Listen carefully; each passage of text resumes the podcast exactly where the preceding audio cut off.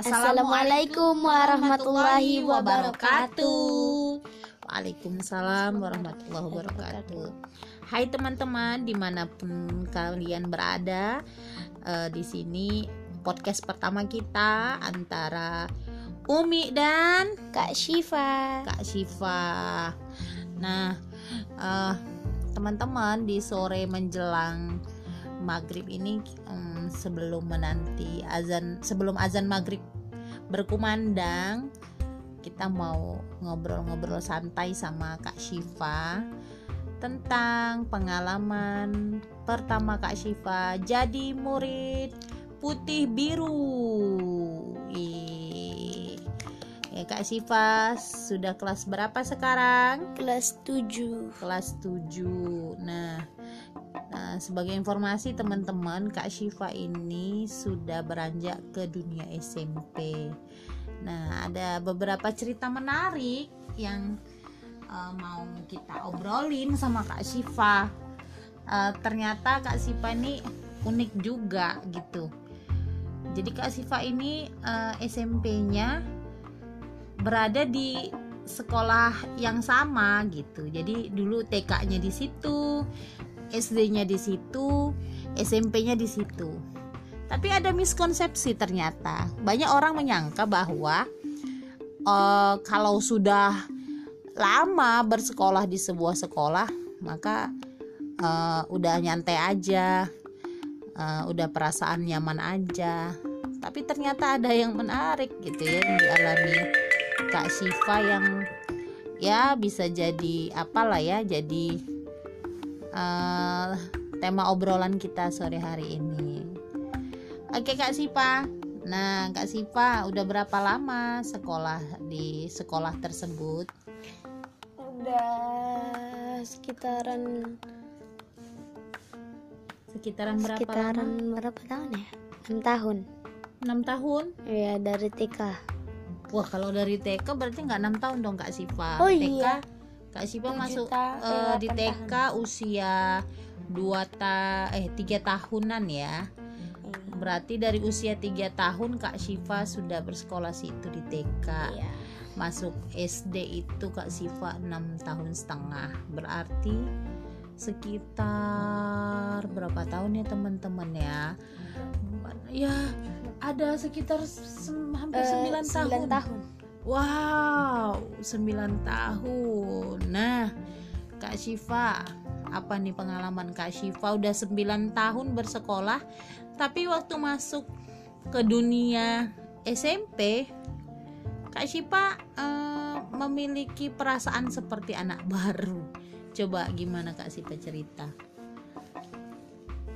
Kayak mana Kak Syifa? Hmm, Iya, pas lagi masuk itu kayak nggak enak, anak barunya lebih enak yang anak-anak lama. Terus kayak jadinya jadi lebih enak SD gitu. Em, tapi lama kelamaan jadi seru juga anak-anak yang barunya punya banyak kawan tapi yang masih tetap yang SD.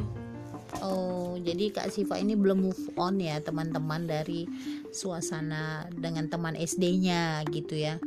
Jadi sempat waktu mm, minggu-minggu pertama masuk sekolah ya.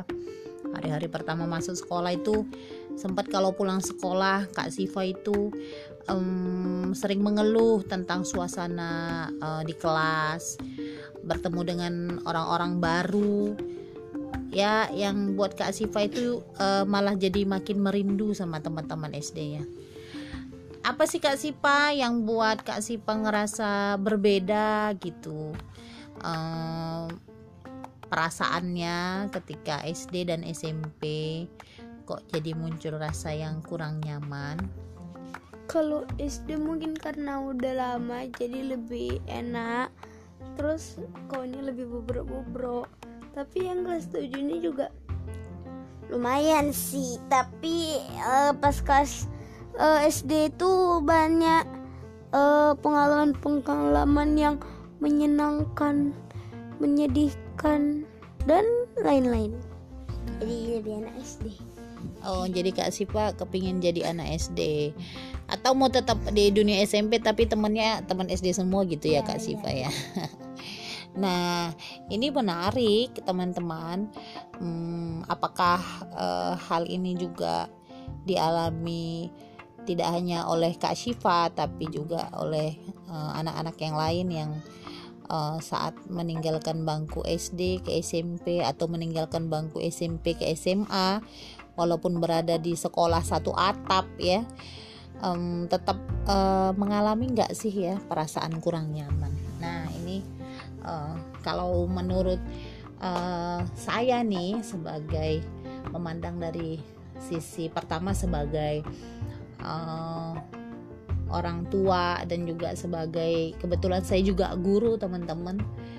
Uh, menurut saya ini sih uh, perasaan yang wajar gitu ya dialami oleh adik-adik uh, yang baru masuk ke dunia uh, SMP atau baru masuk ke dunia SMA yang baru uh, mengalami rasa tidak nyaman gitu. Karena memang namanya juga masih baru ya uh, baru aja ketemu dengan teman-teman uh, yang baru walaupun lingkungan sekolahnya sama tapi tetap memang punya perasaan yang uh, berbeda gitu. Karena ketemu dengan satu kelas dengan orang-orang yang berbeda gitu.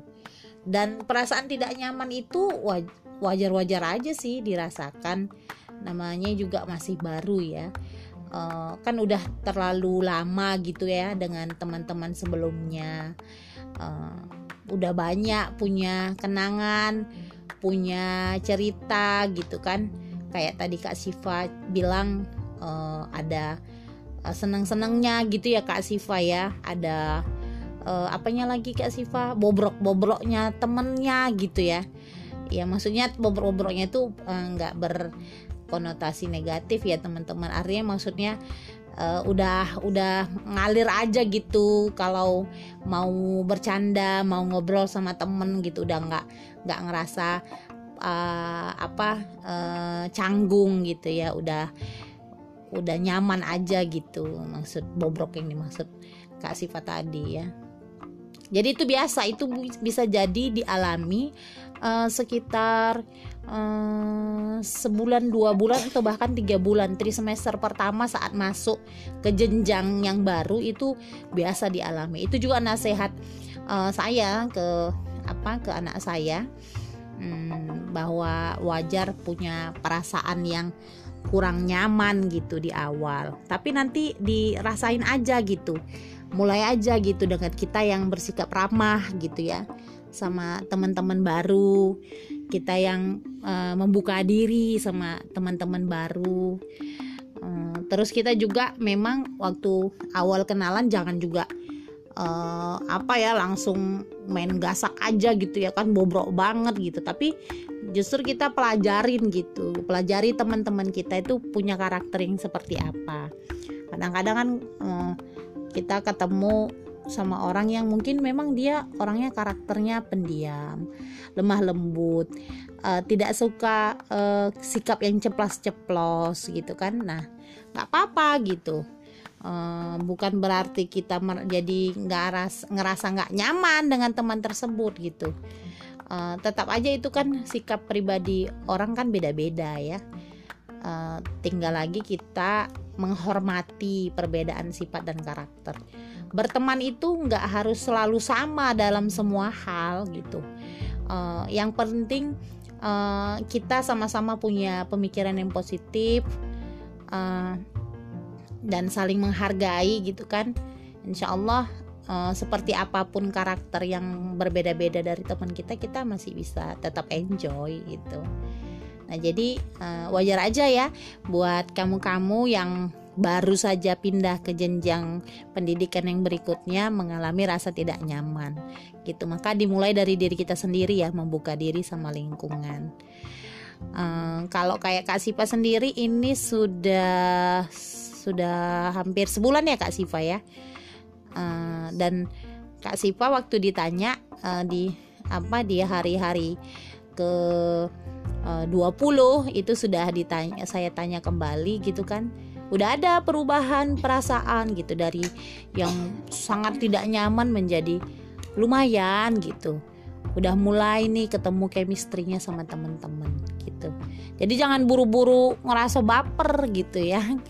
Pada saat uh, teman-teman atau adik-adik yang pindah jenjang terus ngerasa baper nggak nyaman jadi kepingin udahlah gitu ya balik lagi lah ke zaman masa SD atau ke zaman SMP gitu ya. Uh, tidak begitu biasa kita semua punya pengalaman hidup. Dinikmati aja gitu ya dinikmati aja pengalaman-pengalaman barunya justru jadi memperkaya diri kita ya kan jadi uh, kita lebih matang gitu pribadinya. Jadi terbiasa dengan banyaknya situasi uh, yang kita alami gitu ya. Baik terima kasih. Mungkin uh, sedikit saja dari saya.